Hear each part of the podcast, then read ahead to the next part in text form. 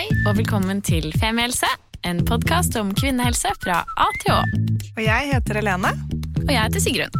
og vi har startet denne podkasten fordi vi mener at det bør snakkes mye mer om kvinnehelse. Så la oss snakke. Hallo. Hei, og velkommen til en ny episode av Femihelse. Skikkelig gøy at du har lyst til å høre på denne. En, enda en litt annerledes episode. Mm. For i dag skal vi ikke snakke om noen diagnose, tror vi. Men hvem vet? Mm, kanskje, kanskje. vi får en diagnose? Ja, det kan være. Ordblindhet, kanskje? Ja, Ja. Jeg har jo litt det for tiden. Ja. Denne ammehjernen er jo litt kort. Så jeg føler jo litt at jeg har ikke helt ordenes makt. Nei. Nei. Men den som har ordenes makt alltid, eh, det er min far. Ja. Um, og dette er pappas episode. Ja. Fordi da vi var på fjellet i sommer, eh, mamma og pappa og jeg og lille Tutti, så satt han og leste en tidlig morgen, som han alltid gjør. Drikker kaffe, spiser kjeks med smør på og leser. Så var han sånn Sigrun, jeg har tenkt på en ting. Du skulle ikke invitert hun Helene Uri til podkasten, da? For å snakke litt om språk og helse og kanskje litt sånn skam knyttet til språk og egentlig alt det dere driver med. Så var jeg sånn Jo. Tanken hadde ikke slått deg da, men du Det var en god idé. Ja. Men så tenkte jeg litt, da, for det snakker vi ikke så mye om her i podkasten, men vi snakker en del om det når vi er ute og gjør andre typer opptredener. altså sånn forteller om hvem vi er. Og da sier vi jo det at vi er oversettere av informasjon. Fordi vi to er jo ikke helsepersonell. Um, absolutt ikke. Så vi prøver jo å oversette all den informasjonen der ute. Fordi vi kan jo fint si at det er en informasjon, informasjonsoverflow. Alt er tilgjengelig, men det er litt vanskelig å forstå for folk flest. Så da stiller vi alle de dumme spørsmålene, uh, sånn at alle forhåpentligvis forstår litt hva ting handler om. Ja. Og ikke minst er det jo dette som vi også snakket om, at eh, legespråket er jo i utgangspunktet latinsk. eh, Og det kan nok en del eh, leger glemme når de snakker om diagnose. Vi tar legene på fersken her i studio hele tiden. Hvor de sier f.eks. bare inflammasjon kan for mange være vanskelig å plassere akkurat hva det er. Selv om nå begynner jo vi to å forstå hva at det er en betennelsetype. da. Men si at det er en betennelsetype, da. Eller at det er liksom betennelse. Ja. Ja. Så det er også det som er spennende med helse og språk, er at det er To språk. Ja, to på mange språk. måter. Mm. Ja. Um, så det skal vi prøve å grave litt i dag. Ja. Og da inviterte vi da Helene Uri, Ja. som er Uri. Spro- U unnskyld. Ja, for dette har jeg lært ved å høre på Helene sin podkast Språktalk, som for øvrig er veldig fin. Anbefaler alle språknerder der ute, eller bare folk som syns at språket er litt gøy. Hør på den. Og da hørte jeg Helene Uri. Ja, men jeg godtar, og jeg lyder begge varianter, altså fordi alle østlendinger sier jo Uri. Ja. Men dette er et eh, navn fra Sunnmøre, og da, så egentlig så heter jeg Ikke sant? Uri. Fordi- ja, det er Helene Uri. Jeg skjønner. Men ja, Ja. for ikke sant, Det betyr jo da at dialekt har en måte, eller har noe å si for uttale på den måten. Ja, ja. Ja, Det er sånn som jeg sa i stad. Kjæresten min heter Jon på østlandsk, han heter Jon i Bergen. Ja. Og broren min heter Johan, men i Trondheim og Ålesund så er det Johan. Ikke sant? Ja. Så yes. Men da, og Men- da fikk jeg svar fra Helene Uri sa yes, topp, dette har jeg kjempelyst til å være med på, men jeg har ekstra lyst hvis vi også kan invitere datteren min, Helle. Fordi hun er da lege, og også interessert i det som har med språk og formidling av helse å gjøre. Så nå er dere her begge to. Ja. Velkommen. Tusen takk. Skal vi, begynne, vi skal gjøre litt som vi pleier. Ja. Ta en liten sånn selvintroduksjon, sånn at vi får alt rett. Men kanskje vi skal begynne med deg da, Helle? Ja. Jeg heter Helle Uri Hageberg. Og Nå s- klarte du altså å si Uri! Det er Jo, helt jeg sa at jeg kom til å si det feil. Men du sa du lød begge to. Da kan Jo, jo jeg Fra sin egen datter? Ja, ja, ok, vi Var det fortsetter. Helle Uri Hageberg? Var det det? Ja. Det var bra start. Ja. Eh, Men eh, ja, jeg er altså ikke språkviter, da. Jeg er lege. Eh, Og jeg er turnuslege nå på Raufoss, som ligger rett ved Gjøvik. Eh, Og så er jeg kjempeinteressert i kvinnehelse. Det er mitt hjertebarn i medisinfaget. Og har jobbet flere år på sex og samfunn, så jeg har sett at dere har hatt et par gjester derfra før. Oh, yes, Så det dette er, er midt i blinken, altså, å være her. dette er vår favoritttype lege. Yes. ja. Nei da, jo da. Jo, det er det faktisk. 100% Leger Vi som trenger i hvert fall flere som deg. Det har vi blitt eh, litt sånn skrekkelig klar over de siste årene. Så bra. Ja. Og så er det din mor. ja, Min kjære Ja. navnesøster. Kanskje hun Ja. å si det riktig? Jeg heter altså Helene Uri mhm, og er mammaen til eh, Helle. Og jeg er språkviter, både av utdannelse og legning, kan man vel kanskje si. Eh, Jeg har en professor to-stilling på Norsk barnebokinstitutt i i skrivekunst. Eh, Men egentlig så er jeg jo aller mest forfatter. Og nå litt sånn podkastdame, og da siden vi har denne språktalk. Yes. Og så er du den eneste som er doktor av oss to på ordentlig, da. Ja, det er sant. Jeg er jo ordentlig doktor. Du er bare sånn eh, Du er bare lege, du. Er du sånn. Liss? Liss-lege? Ja, det er nå Liss igjen. Men eh, hva er forskjell på viter og forsker? For nå sa jeg forsker. Eh, Jeg jobbet på Universitetet i Oslo frem til 2005, og da sa jeg opp jobben min for å bli eh, forfatter. Og da vil jeg si at jeg var språkforsker, for da var det jo noen som lønnet meg for å holde på med språkforskning. Men etter 2005 så har jeg jo stort sett da jeg har vært eh, forfatter av både språkbøker og, og romaner. Og siden det er ingen som betaler lønnen min for den språkforskningen jeg gjør, så syns jeg det er riktigere å kalle det språkviter. For nå vet du. Nå har du forsket deg fram til at nå vet du. Nå kan du liksom gå ut og mene med god samvittighet. Kanskje språkveter er neste. Ikke sengehvete, men språkveter. Ja, Ja, det er bedre. Oh, det kommer til å bli mye puns i denne episoden, her, vi beklager det, men det er sånn det er. Ja, men så fint. Um, og da jeg, da jeg har sagt med litt forskjellige folk om at vi skulle spille inn denne episoden, og var veldig spent på den fordi den ikke er så klassisk. Og da var det en, når jeg sa liksom um, Jeg skal snakke om språk og seksualitet, kanskje, og litt om skam og alt rundt. Hun bare, og hun ene venninnen min bare Ja, liksom sånn at folk kaller hverandre mye hore og bitch og sånn. Jeg bare, Nei, jeg tror ja, Kanskje det kommer det. Jeg vet ikke. Jeg vet ikke om vi skal den veien, men jeg tenkte mer på et klassisk eksempel da, på språket vårt som kan ilegge skam, er jo det mest overtydelige, som jeg også skrev i mailen til dere, var dette med at vi har et ben i vårt bekken, eh, eller en del av vårt bekken, som blir kalt skambenet. Som jo er helt sånn Hvorfor heter det skambenet? Eh, og Kaller man det fortsatt skambenet, eller har det fått et nytt ord nå, navn nå? Vet du det, Helle? Jeg tror ikke skambenet har fått et nytt navn. Det må du kanskje korrigere meg på etterpå, mamma. Men eh, før så kalte man jo eh, kjønnslepper skamlepper. Ja. Eh, og det har man jo gått bort ifra. Eh, og jeg var på utveksling i Tyskland under eh, medisinstudiet. Og der bruker, sier de fortsatt shamlippen. Og det er det, det er det begrepet alle bruker. Og vi konfronterte dem med det og sa at det er jo rart at dere bruker det. Men for dem var det på en måte, de tenkte ikke over det, for det, det er det vanlige ordet. Og det er nettopp det med å ikke tenke over det, at det blir liksom så integrert, men samtidig så snakker man om eh, kroppen sin og bruker et altså skam da, som er faktisk ord for å beskrive noe. Og da kan jo jeg, For det første så kan jeg jo bidra med eh, litterært fun fact. Og det er jo at Agne Agna Mykle, eh, som har skrevet ikke sant, både sangen om Rød Rubin og Lasso rundt fru Luna, han har en eh, scene i en av disse to romanene hvor hovedpersonen Ask Brullefot ligger på sofaen og sover. Og så står det han gjør det han alltid gjør når han sovner. Han knepper opp eh, buksesmekken, og så lar han hånden hvile rundt skamsekken, skriver eh, Agna Mykle. Eh, og det er jo et ganske mindre frekvent ord enn skamben og, og skamlepper, men det har også vært brukt om, om menn. Og det er klart det, bakgrunnen er jo akkurat det som vi antyder her nå. Dette er underlivet. Det blir forbundet med, med skam. Eh, Tenk på Adam og Eva som da de så at de var nakne, og så, og så fortet de seg å dekke seg til med veldig flikete fikenblad, da, som var et veldig rart valg, men eh, de dekker seg i hvert fall til. til. Og det som er, jeg tror som er viktig å, å tenke på, det er jo det at selv om disse tyske studentene som du heller møtte, eh, sier at de aldri hadde tenkt over det, så skal vi være klar over at språket påvirker oss selv om vi ikke har en bevissthet om hva slags språklige begreper vi bruker. da. Ikke sant? Det er ikke sånn at bevissthet er en forutsetning for at språket skal påvirke oss, og selvfølgelig heller ikke andre. Så derfor er disse begrepene vi bruker, viktige.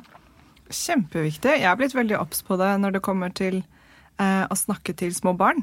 Ja. Så er jeg veldig tydelig på Nå er Sigrun sin datter bare fire og et halvt, men jeg sier alltid når jeg møter henne, så sterk du ser ut. Å, du er så kul og sterk. Ja. Jeg tenker Istedenfor å si sånn Å, du er så søt og så fin du er, og har du på deg en Nydelig. nydelig liten kjole, du, da. Så, men til gutta som jeg møter Og du var søt. Kjempesøt liten gutt, Myk liten fyr. Ja. Nei, men, men Ja, og dette er eh, kjempeviktig, og sånn er det jo. Altså, vi, eh, dette viser jo all eh, forskning, at vi snakker Vi gir mest komplimenter om utseendet til jenter, og vi roser gutter for energi og styrke, f.eks. Så, så dette, dette er jo morsomt, at du snur opp ned på de tradisjonelle måtene å snakke til små barn på. Mm. Og jeg- jeg føler, jeg, får veldig god respons på det når jeg sier det til eh, eh, Mia, datteren til en god venninne av meg, at hun er så rask. Og da blir hun sånn 'jeg er så rask', og så løper hun så fort hun kan ja. for å vise hvor rask hun bare er. Veldig slitsom for alle andre, ja, ja, men bra for selvtilliten hennes. Yes. Men hvis jeg hadde sagt sånn 'ja, du er kjempesøt', da er jo ikke noe refleks... Hva skal hun gjøre da? Stå der og være søtere da? Liksom Gjøre seg litt til og prøve seg og liksom leve opp til at jeg syns hun er søt. Så nei. Og så syns jeg det er også en del sånn noen venninner av meg som alltid sier sånn der, når du blir stor, skal du bli president til de små jentene. og sånn. Altså, det, det, er, mye gøy man kan gjøre med språk og barn også, da. Mm. Men det er jo en hel egen episode, tenker jeg. Men uh, ja. ja. Fordi det jeg tenker litt er som du sier sånn, ja, vi eh, brukte altså skamsekk, da, som kanskje er et litt eldre begrep. Og så har vi skambenet, som nok sier vi kanskje i større grad liksom pubisbenet. Er ikke det det samme? Tror jeg, eller? Ja, symfysen. Ja, også, symfyse og Ja, begge deler er litt uansett. Jeg vet, men, jeg vet ikke om vi har fått men jeg noen bra ord vi for har jo, nei, det er akkurat det, for vi har jo egentlig ikke utviklet oss så veldig i riktig retning, annet enn at vi har byttet ut kanskje noen skambelagte begrep med medisinske begrep.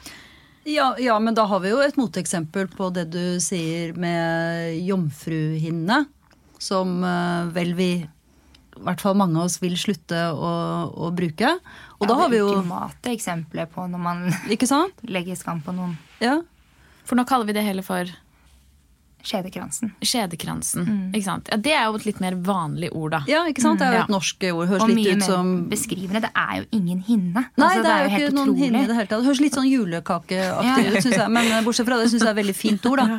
Og hvordan skulle menstruasjon og utflod ha kommet ut hvis det hadde vært en dekkende hinne? Det, altså, det, det er så mye som er feil ved det. Og ja, ja bare og, å blande jomfrudom og renhet inn i det. Og, nei, det Helt forferdelig ord.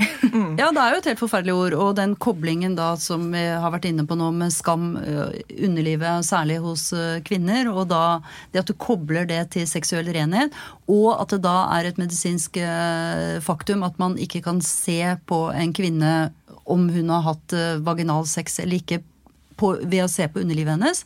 Det kan du jo ikke se, har jeg lært av min datter.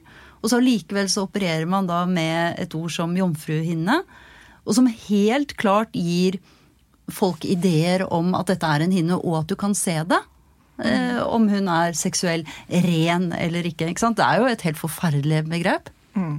Helt forferdelig. Og har konsekvenser i mm. andre deler av verden. Jeg vet ikke om det er Håper det ikke er sånn i Norge for enkelte, men det har jo konsekvenser hvis du ikke blør på bryllupsnotten osv. Så, videre. mm. så det har jo blitt en hel industri rundt det å sy inn slike ja. hinner. Ja. Eh, og det har man også tilbudt til i Norge. altså Jomfrusjekk og sånne ting. kunne... Jomfrurekonstruksjon, var det ikke det det het? Som også er et litt sprøtt ord. for da, da, antyder du at dette er noe som har vært der og som skal rekonstrueres, mm. mens det mm. ikke nødvendigvis er, er riktig, da. Ja, og hele, hele den jomfru og assosiasjonene til ordet jomfru mm. som på en måte noe rent eh, og noe uskyldig, mens egentlig Uh, det å da ha ligget med flere partnere kan jo, altså, har jo mest sannsynlig utgangspunkt for at du har et uh, kanskje mer uh, utviklet seksualliv, og du har funnet ut hva du liker, og du har det bedre med din egen kropp. Kanskje, da. I don't know. Eller vært heldig med de få du har møtt, da. Mm. Men så det er liksom at jomfru er noe opphøyet, er jo mm. Eller at når man I hvert fall når jeg hører det ordet, så tenker jeg sånn Ja. Altså, sånn uskyldig, da. Men hvorfor er det noe positivt? ikke sant? Eller, ja. ja og, hvor, og, der er det jo så tydelig med den språklige asymmetrien. For det finnes jo nesten ikke noe ord for den mannlige jomfru. Ikke sant? Hva sier man da? Man, eh, hvis vi skal tilbake til litteraturen, og sånn, så vil jeg tro at til Sigrid Undsets middelalderromaner så finner hun nok et ord som svein, hvis hun skriver om det. For det er det man har uh, brukt om urørte menn. da. Men, men det, er helt, det, er et perifert ord, det er nesten ingen som kan det. Og du så jo ut som et levende spørsmålstegn her. og, og, det er jo poenget her, at det har ikke vært noe behov for å sjekke menns uh, seksuelle renhet. Det, det, har man ikke samfunn hatt noe bruk for. Mens for kvinners del så har det vært veldig viktig. For så vidt av forståelige grunner, siden det er kvinner som bærer frem barn, og menn da ønsker en kontroll over hvem som er far til dette barnet. Det er jo det det handler om. Ikke sant? Sånn, eh, men vi er jo ikke der nå. Uh, og dette er jo en veldig påfallende språklig asymmetri. Det at du har et ord for kvinnelige, uh, kvinnelige seksuelt urørte mennesker, men ikke for de mannlige. Men dette syns jeg er litt spennende å ta videre. Og egentlig da eh, spørsmål til dere begge. fordi altså, Er det også en asymmetri eh, når vi snakker om hvordan vi snakker om kvinners og menns helse, og tabu knyttet til det? Altså sånn, eh, det syns jeg er litt spennende. Er det mindre skam knyttet til Eller er det enklere for oss å snakke om menns helse og ting knyttet til det enn det er, opplever vi, da, i hvert fall til kvinners helse? Har noen av dere noen tanker til det? Ja, går den til deg, Helle, først? Ja, Hvis jeg kommer på noe å si, da. Jeg, det var et På veldig vanskelig spørsmål. Ja, å ja, Fordi- ikke fordi på måte- På sex og samfunn, for eksempel, da, eh, så kommer det sikkert både jenter og gutter til deg når du, eller når du har jobbet der. Er det vanskeligere, eller opplever du at det er noe forskjell på hvordan jenter og gutter ordlegger seg, for eksempel, da, når de skal beskrive hva problemet er? Altså Der må vi jo faktisk si at kvinner er mye flinkere. Ja. Eh, De er flinkere til å sette ord på hvorfor de kommer dit. Vi har nesten vi har en veldig liten andel gutter som oppsøker helsestasjon, både Sex og Samfunn og helsestasjonen jeg jobber på på Gjøvik. da. Så vi sliter med å få gutta til å komme og snakke om sex og sine både psykiske problemer og seksuelle problemer. Der er jentene flinkere som i mye annet i dag også. Kan ikke jeg komme da med en, en Dette er en tankerekke, og jeg har ikke noe sånn forskningsbelegg her. Men vi, siden vi allerede har brakt dette temaet med hvordan vi snakker til små mm, barn på banen, så er det jo interessant at det vi gjør overfor Jenter er jo ofte å snakke om, om relasjoner og følelser, mens overfor små gutter så snakker man mer om objekter og ja, ikke sant, den slags ting. da, Som gjør at eh, noen mener at derfor ser vi flere gutter som eh, utdanner seg innenfor teknologi f.eks. Og så kan vi si at her er det en korrelasjon, men om det er en kausalitet, det skal jeg ikke si helt eh, for sikkert. Men det, vi, det jeg har støtt på flere ganger når jeg har vært opptatt av kjønn og språk, det er jo det at terapeuter forteller, sant, psykologer, eh, familieterapeuter forteller at det er, kvinner er så mye bedre i terapirommet til å fortelle hvordan de har det. Og det er jo litt det samme Helle sier nå. Så fordelen med den verbale oppdragelsen vi gir jenter, er i hvert fall at vi blir flinkere til å snakke om følelser. Og så er, forteller også folk at dette er i ferd med å forandre seg. I yngre generasjoner så er ikke forskjellen så stor, men sånn i min generasjon så er det mange menn som ikke er kjempegode til å snakke om, om følelser. Og det kan man jo ta over til parrelasjoner, hvor det her forsk... Eller det kom en rapport eh, som var veldig interessant, hvor man hadde sett på eh, par som går fra hverandre, og hva som var bakomforliggende årsaker for det. Og eh, veldig ofte så var det fordi at kvinner følte seg ensomme, alene, ikke sett, ikke hørt og ikke snakket til på en måte som gjorde at de følte at det var kommunikasjon i forholdet, mens gutta følte seg avvist og at eh, de ikke fikk nærhet og sex. da. Eh, mens kvinnene ville ikke gi denne nærheten og sexen fordi de ikke følte seg forstått og sett og hørt og kommunisert med, og så var man inne i en sånn kjempesirkel. da. Eh, og den eh, formen for eh, verste som kvinnene kunne snakke om, var det som, som hadde begrepet stonewalling. Er når man tar opp et problem med partner, så blir du møtt med stillhet og det som virker som mutthet og liksom sånn Jeg vil ikke snakke mer om dette, nå er vi ferdig prata. Som jo tyder på en eh, manglende evne til å greie å kommunisere hva, hva man føler akkurat der og da.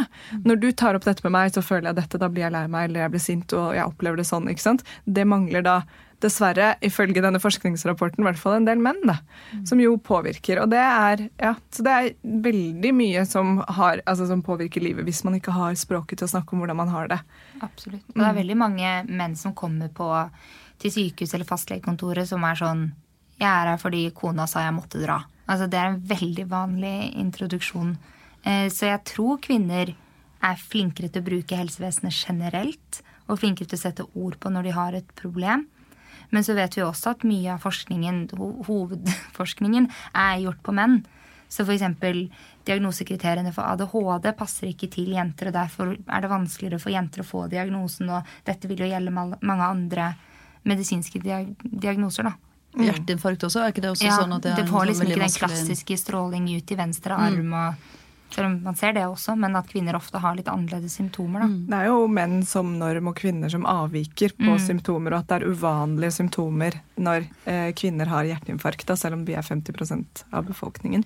Ja da, og som ellers i språket, ikke sant? hvor mannen er normen. Eh, Jeg er, for, jeg er kvinnelig forfatter, ikke sant? mens eh, Jo Nesbø og Per Petterson er forfattere. Ikke sant? Så det er veldig ofte sånn at mannen er normen, mens kvinner er en sånn slags ja, sånn subkategori.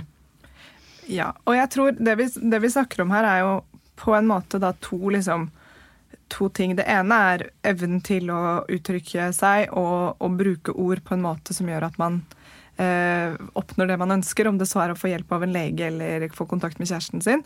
Men så er det andre er jo mer ordene som brukes om oss, da. Eh, og litt tilbake til jomfrueksempel, fordi at eh, jomfru om en kvinne er noe opphøyet, men hvis du er jomfru som mann, så er du mislykket.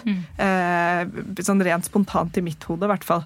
Og det, det, er, det tror jeg er kjempespennende. Jeg tenker, vi har snakket mye om når du går, eh, eller skal snakke om underlivet ditt, hvilket navn bruker du? ikke sant? Vi snakker vi liksom fitta, som er jo veldig sånn skjellsord, ikke sant?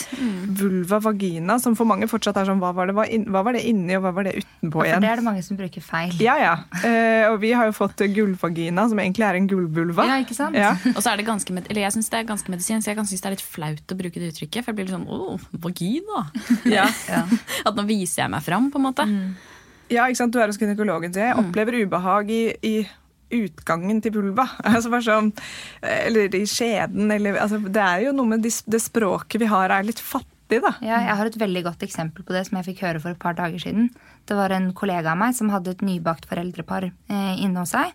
Og så satt de og snakket om datteren, da, som var et par uker gammel. Eh, og så sitter da denne nybakte faren der og har et spørsmål inne, men vet ikke helt hvordan han skal si det. Eh, og så sier han til slutt ja, jeg, bare lurer på hvordan, hvordan skal vi vaske musa hennes? Det lille barnet. Altså. Men det er jo i mangel av eh, at han Ja, ja. vet ikke hva han skal si. Han vet ikke hvilket ord han skal bruke. Men altså, det er ikke mangel, det kan jeg Nei, det- fortelle. Fordi jeg har eh, samlet for noen år siden, så samlet jeg Jeg lurer på om det ble 341 ord for det kvinnelige underliv. det husker jeg. Ja, så det, er ikke, så det er ikke mangel, men det er mer mangel på adekvate ord. da, ikke sant? Vanlige ord. Ja, ikke sant? Helt vanlige, nøytrale ord. Men er det bedre for menn? Altså fordi dette F-ordet, da, det er sånn Jeg har veldig store problemer med å si det som et vanlig nøytralt ord. Det klarer jeg ikke. Så, og så har du de der veldig sånn barnslige sånn eh, Tisselissen og Ikke sant? Altså du, du har sånne. Og så har du disse omskrivningene sånn Ja, nedentil. Ja, jeg har litt eh, plager nedentil. Ja, og så så liksom- har du de medisinske, ikke sant? Ja, og så har du underlivet, ikke sant? som er Ja, underlivet er kanskje det mest eh, Ja. Men det er, jo, det er jo ganske stort. Det er jo er magen jo også, på en måte. Men jeg opplever ordet penis som enklere. Ja, det er jeg enig i. Altså, Ja. du er For du kan si om et lite barn hvordan skal man vaske penisen hans. Ja, det det enig. kan man. Ja, eller jeg har eh, liksom eh, vondt på penishodet. Ja, Ja. ok. Ja, nei, da må man sjekke ut det. Ja. Da må kona di si at du skal gå og sjekke ut det. Men det er noe med Ja, så det, der er det noe. Og vi hadde jo besøk av um, i episoden om uh, sex og kommunikasjon, var det det vi kalte den, med Nanna Klingenberg.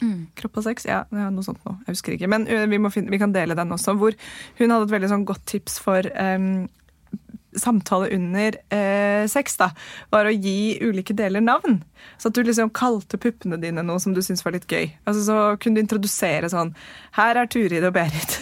eh, og, og det samme med underlivet ditt, at du ga det et navn for å kunne liksom og når vi prøvde oss litt på det og tenkte litt på det, så bare sånn Ja, det kan jo være litt gøy da, å introdusere og snakke om, for du får litt sånn humor inn i det, og litt sånn letthet, da. Men det er forskjell på å snakke om deg selv til noen du kjenner, og går til legen og sier 'jeg har vondt i Berit'. Altså, Da tror jeg du får en litt- det. Da tror jeg du får en psykiatrisk diagnose, kanskje ikke Jeg er redd for at jeg har fått en kul her i Berit. Ja. Nei. Ja. Men i Danmark så sier man jo også tissekone og tissemann. Ja. Og det, jeg liker det litt. Eller fordi jeg synes jo liksom Hvorfor skal vi ikke si tissen også? For det er, eh, ja, jeg synes også det er, det er jo liksom nøytralt. Ja, Ganske nøytralt, men det er litt, er litt barnslig. Det er litt barnslig. Det er det. Men eh, heller barnslig enn veldig medisinsk, for Ja, min del i hvert fall. Da. Jeg må si mamma, at jeg tror det er den benevningen jeg har vokst opp med at vi har brukt hjemme. Tisen, Ja. Ja. Mm. ja. For den vokser man opp med. Ja. Og så på et eller annet tidspunkt så bikker den litt. Så det bikker til underlivet. Ja. Ja, så tror jeg det, det er jo noe med at på et barn da, så, så er det et ikke-seksuelt organ. Ikke sant? Den nybakte faren som spør om å vaske musa, så blir du litt sånn Det føles feil fordi at mus har erotiske eller seksuelle konnotasjoner. eh, Og derfor blir det veldig rart på et spedbarn. Ikke sant? Mens tiss føles for meg i hvert fall som noe Det er noe mer aseksuelt, da. Det er bare kropp. Ja, det er bare kropp, ja. Eh, mm. Men på et eller annet tidspunkt så slutter vi å da, da skjønner vi at dette kan brukes til andre ting også. Og så har vi kanskje et behov for å skifte navn på det. At det er et eller annet der som skjer. Jeg vet ikke. Kanskje Men- vulva kan bli den nye penis? Ja, og det kan jo hende. Eller føles det veldig medisinsk, ordet vulva? Nei, men det er bare at det jo, Vulva, jeg synes Det som er vanskelig det, er at det er to forskjellige ting. på en Ja. måte, Og det som henger så tett sammen at det kan jo veldig fort bli feil å si vulva. Altså For det er jo bare utsiden. Og ting kommer jo ofte fra innsiden på damer, og da ja, Ja, blir det litt kaos. Men jeg lurer på, eh, på legestudiet, er, det, er mm, det da vært bevissthet rundt liksom, at man skal oversette eh, de medisinske begrepene, f.eks. sånn kardiofibria, bla, bla, bla, bla, hjerteting, til eh, å si at man har et hjerteproblem? Ja, eh, de, de legger mye fokus på det. eh, Og så føles det helt sånn så teit på begynnelsen av studiet. Det er sånn, hei, Jeg kommer jo aldri til å si de ordene der. Jeg ville jo sagt eh, hjerteinfarkt. altså Selvfølgelig. altså liksom, Men så studerer man en stund og blir vant til å bruke de ordene. Og så er det kjempeviktig den påminnelsen å bruke vanlige ord. da. For fort man får en diagnose, så får man jo kanskje et ord på et ark. da. Eh, eller at noen slenger et begrep til deg på en måte når du er inne for en eller annen undersøkelse, og så skjønner du ikke hva det er, og så ender du opp med å gå hjem og google det, og så googler du det, og så kommer det opp kreft, på en måte som det alltid gjør. Og så blir det på en måte stor forvirring. Eh, og det føler jeg jo er litt sånn skummelt med det gapet mellom det, altså de medisinske uttrykkene og de vanlige menneskelig uttrykk. Det er også liksom hva, hva man kan gjøre da, for å, at det der maktgapet mellom de som vet og de som ikke vet, blir litt mindre. Jeg syns det er litt interessant. Men det er nå en del av eh, medisinstudiet, er det ikke det? Kommunikasjon med pasienter. Vi altså, har, det er vi har ganske dere- mye kommunikasjonsundervisning. I hvert fall jeg har studert i Oslo. Eh, og så sier jo professorene det ganske ofte, minner oss på at dere må huske å bruke vanlige norske begreper. Men eh, det er veldig rart hvordan det går fra å være på en måte helt fremmed for deg til å bli en veldig normal del. For du bruker det så mye som man gjør. da. Så Ja. glemmer man litt kunne jeg, kunne jeg det ordet før jeg begynte å studere. Er ikke det et helt vanlig ord? Og så glir de litt inn i hverandre. Og, ja. Ja. Du, sa, du begynte med å si brudd, og så gikk det noen år på studiet, og så sa du bare fraktur. Ja, ikke sant? Det er jo sånn typisk, så Hvorfor skal du si fraktur når du snakker med noen andre enn dine kolleger? Det, det trenger du jo ikke. Det virker jo bare fremmedgjørende.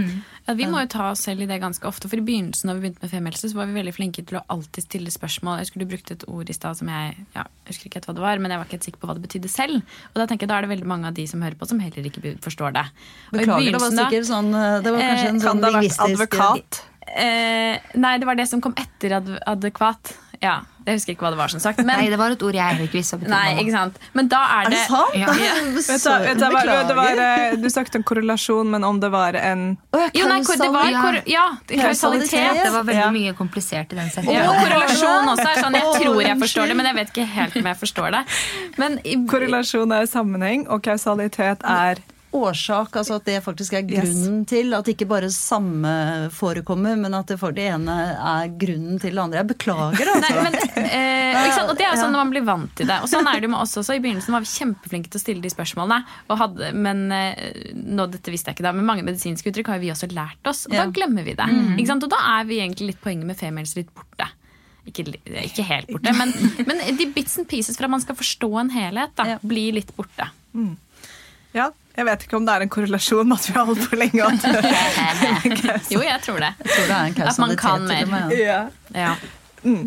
Nei, men det er Og jeg, jeg tror eh, vi, eh, vi møter jo eh, heldigvis, fordi det er veldig hyggelig, lyttere som har hørt på Femihelse en stund, og som sier at jeg har et, nå fått et språk til å snakke om ting jeg ikke kunne snakke om før. Og da handler det jo helt ned på at de har lært om eh, diagnosene. Og det er en ting som må inn i språket, så kunnskapen om helse gjør at du kan si 'jeg tror at jeg har vulvodyni', eller 'jeg tror at jeg har endometriose'. Som er, så hvis du ikke kan de ordene og ikke vet hva det er, så har du heller ikke språket. Da sier du 'jeg kan ikke ha sex, det er, det er bare så jævlig vondt', eh, eller 'jeg kan ikke sykle fordi det er så stramt i bekkenet mitt', eller 'mensensmerter Ja. for meg gjør at jeg kaster opp'. Men du kommer ikke noe videre i prosessen. Nei, og det dessverre møter mange eldre leger som heller ikke vil kunne hjelpe med å stille de diagnosene heller. Da. Så selv hvis, hvis pasienten mangler språket og legen mangler kunnskapen, så kommer man jo virkelig For da vet jo ikke legen heller hva den skal google. på en måte. Nei, nei. fordi det gjør vi masse. Ja. Man gjør jo det. Mm. Men i, i litteraturen så føler jeg jo at man utforsker jo måter å snakke om kropp og sex på. Er det, eh, er, det på, er det stor forskjell på hvordan menn skriver om dette, og kvinner skriver om det? Å, wow, det var kjempegøy. Dette det skal jeg undersøke. Jeg tror ikke det er noen undersøkelser eh, på dette her. altså Det tror jeg ikke. Men eh, det skal jeg jobbe med å gjøre. For jeg leste om ja, Nå har jeg glemt hva han heter, men det var et stort A-magasin-intervju for to-tre dager Nei, to, altså forrige uke, tror jeg. Guttastemning. Nei. Geir Gulliksen, tenker Ja.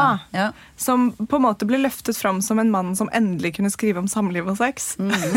og det var nesten så synes jeg var interessant, for der følte jeg at um, hva skal jeg si, den kjenningen gikk mot han. da. Sånn wow. Alle sammen applaus. Det er en mann her som skriver kan om nær- litt. Ja, som skriver om nære relasjoner. Ja. Mm. Eh, Men jeg, jeg kan fortelle at jeg har fått et eh, stipend fra Norsk faglitterær forfatterforening for å se på kjønn i eh, skjønnlitteraturen. Så jeg skal faktisk, dette skal jeg undersøke. Dette vil være et av de punktene jeg skal undersøke. Og så skal jeg skrive en liten fotnote, og så takk til Femi Helse for Og så kan du ringe oss når du er ferdig, og så kan du komme tilbake Ja, og ja, og fortelle om hva du har funnet. Fordi Ja. det er kjempespennende.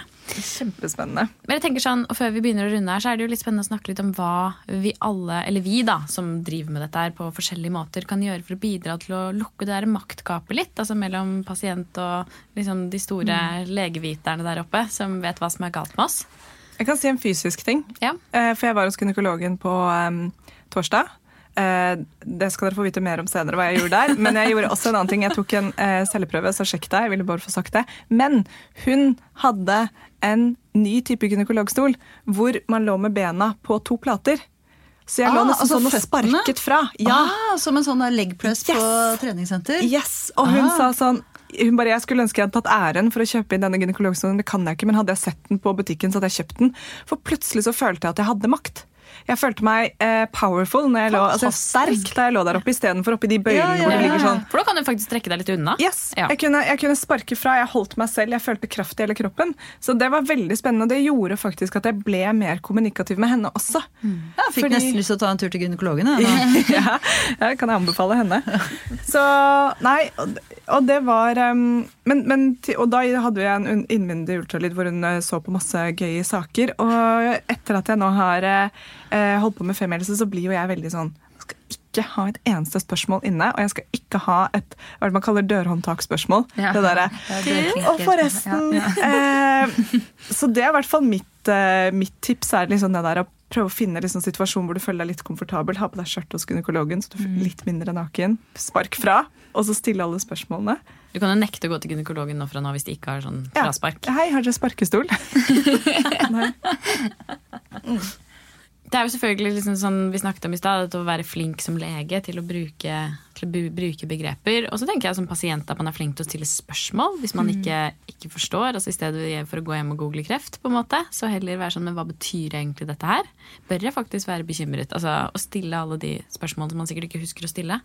Men Um, Og sånn som egentlig har vært måte, et gjennomgående tema som vi har snakket om hele veien nå, men det å ja, bruke de riktige ordene, da, bruke skjedekrans istedenfor jomfruhinne, og kanskje også si sånn ja, skjedekransen som vi tidligere kalte jomfruhinnen, for jeg har også opplevd at mange har trodd at skjedekransen er noe annet, og så kommer jomfruhinnen i tillegg. Ja, ja, det ble ekstra, ekstra Ja. mye der nede. Eller et av mine hjertebarn, dette med å si eh, store og små kjønnslepper. Eh, som skaper veldig mye skam for særlig unge kvinner. Da. er det dette jeg de indre og ytre? Ja, ikke sant? Ja. At man bruker indre og ytre istedenfor. For store og små har man gått bort ifra. Men fy søren, det var mange av professorene som sa det. Er det sant? Eh, Ja. Eh, så det er liksom noe med å ja, passe på at man bruker de major og minor De heter på det på latin? latin, så Ja. heter de major og minor. Men sånn er det jo ikke for de fleste kvinner. Og man ser kjempeforskjellig ut. Og jeg har ikke jobbet så lenge, men eh, jeg har sett masse underliv nå, og vi er kjempeforskjellige, og alt ser normalt og flott ut. Og man, ja, da er det viktig at vi bruker riktig begrep, da ikke sier store og små kjønnslepper, men sier ytre og indre. Og sier skjedekrans. Og ja, det tenker jeg er veldig, veldig viktig. Og når du sier vi, så mener du jo først og fremst legene, da, og så Ja. at du har en sånn vennlig påminnelse til pasientene. For det er jo kjempeviktig at pasientene ikke føler seg irettesatt Ja. også, ikke sant? Ja, Og også et annet eksempel, angrepille. At man bruker nødprevensjon istedenfor angrepille. Ja. For Det har den vi snakket angrer mye om. ikke. Nei, Dette er jo hele grunnen til at Femihelse begynte, var at jeg tok en angrepille. Ja. Eh, og så leste jeg pakningsvedlegget for første gang i mitt liv og skjønner at den forskyver eggløsning Mm. og skaper et litt umildt miljø i livmoren. Men jeg trodde jo den gikk ned som en sånn atombombe med hormoner og bare pju, Det gjør den ikke. Nei. Og det er faktisk med på å bringe skam, for hvis Mm. eh, du da blir gravid, så tenker du at du angret deg for sent, eller du Angret angret deg feil. Mm. Men det du har egentlig opplevd, er at du hadde eggløsning akkurat sånn Ja. rundt da du lå, og det var for sent. Spermen var for rask, egget var for velkomment. Så kan det hende du ikke angrer. Altså, det, du, du trenger nødprevensjon, men det kan hende du har hatt en flott kveld uansett og ikke angrer på noen ting. Altså. Yes, veldig godt poeng. Ja, ja enig. La nødprevensjon. Nødprevensjon, den skal vi også Kan, ikke ha, kan ikke du fortelle den historien om eh, baller, Helle? Fordi jeg, Det er sant, det syns jeg også det er er en av mine kjepphester, er dette her med at eh, mot forbindes med menn. Ikke sant? Altså Kvinner, da er det sånn åh, ikke vær sånn sant? kan du si til både kvinner og menn. Og vi kvinner vi manner oss opp, og vi har hår på brøstet, og vi har baller, som jeg irriterer meg veldig over. Over til deg, Helle. Ja, og den irritasjonen har jo mamma overført til meg også. Eh, så når jeg er på helsestasjonen og har disse unge 15-16 år gamle jentene som skal få p-stav eller hormonspiral, så gruer de seg helt forferdelig mye, og så sier de at de må manne seg opp eller få baller før de kan sette inn den spiralen eller p-staven. Men da sier jeg til dem at det er vel det siste de trenger hvis de skal sette inn prevensjonsmiddel. Yes. Og vi pleier også å si at eh, eh, eh, så vagina eller, ja, kan jo faktisk dytte ut et helt barn og tåler Ja. veldig mye mer enn noen kalde små baller som henger Ja, de utenpå tåler Som kroppen. mye. trekker seg opp for Ja. fort, de blir litt kjølige. livredd. Hvis man bare knipser på dem. Altså Ja. det, Men da syns jeg man heller skal si som de sier i min nye favorittserie, Marvelous Miss Maisel, som går på Amazon Ja. Prime. Hvor de sier rett før hun skal på scenen, da, denne kvinnelige komikeren på 60-tallet, tits up. Ja, ja, for jeg Ja, pleier å si liksom. eggstokker. eh, Ja, men jeg liker den litt sånn til der, ok, Ja, ja, tits up. Ja. Den, det er et, et bra bilde, syns jeg. ja. ja, det er bra å ha noe annet å komme med tilbake istedenfor Ja. bare å si ikke si mann deg opp. Eller, altså, ja. Mm, Ja, det er egentlig en ganske sånn fin avrunding, syns jeg. Hvis ikke det er noe dere har lyst til å legge til på slutten her. Nei? Da tenker jeg til dere som hører på, da er det kvinn dere opp, tits up, og bare gå ut og ta dagen som de sterke, kule damene dere er. Raske er. Og mennene som hører på. Tits up til De dere også. ni prosentene av mennene som Fire, hører på. Fire, tror jeg. Ja, fire. Tits up, gutta. Takk for at du hørte på. Tusen takk for at dere kom på besøk. Det er veldig morsomt å snakke med dere begge to. Ja, Så snakkes vi straks. det gjør vi. Ha det! Ha det. Tusen takk for at du hørte på podkasten vår. Selv om det forhåpentligvis kommer tydelig frem, så vil vi understreke at vi ikke er helsepersonell. Ja, så som vanlig, kontakt legen din om du har noen spørsmål, eller om du skal begynne på noen form for behandling. Og har du et tema som du har lyst til at vi skal snakke om, eller noe ris eller ros, så send oss gjerne en melding på Facebook eller på Instagram. Der finner du oss under Femihelse. Og du kan gjerne rate oss på iTunes, det er skikkelig hyggelig for oss. Ha en fin dag! Ha en kjempefin dag.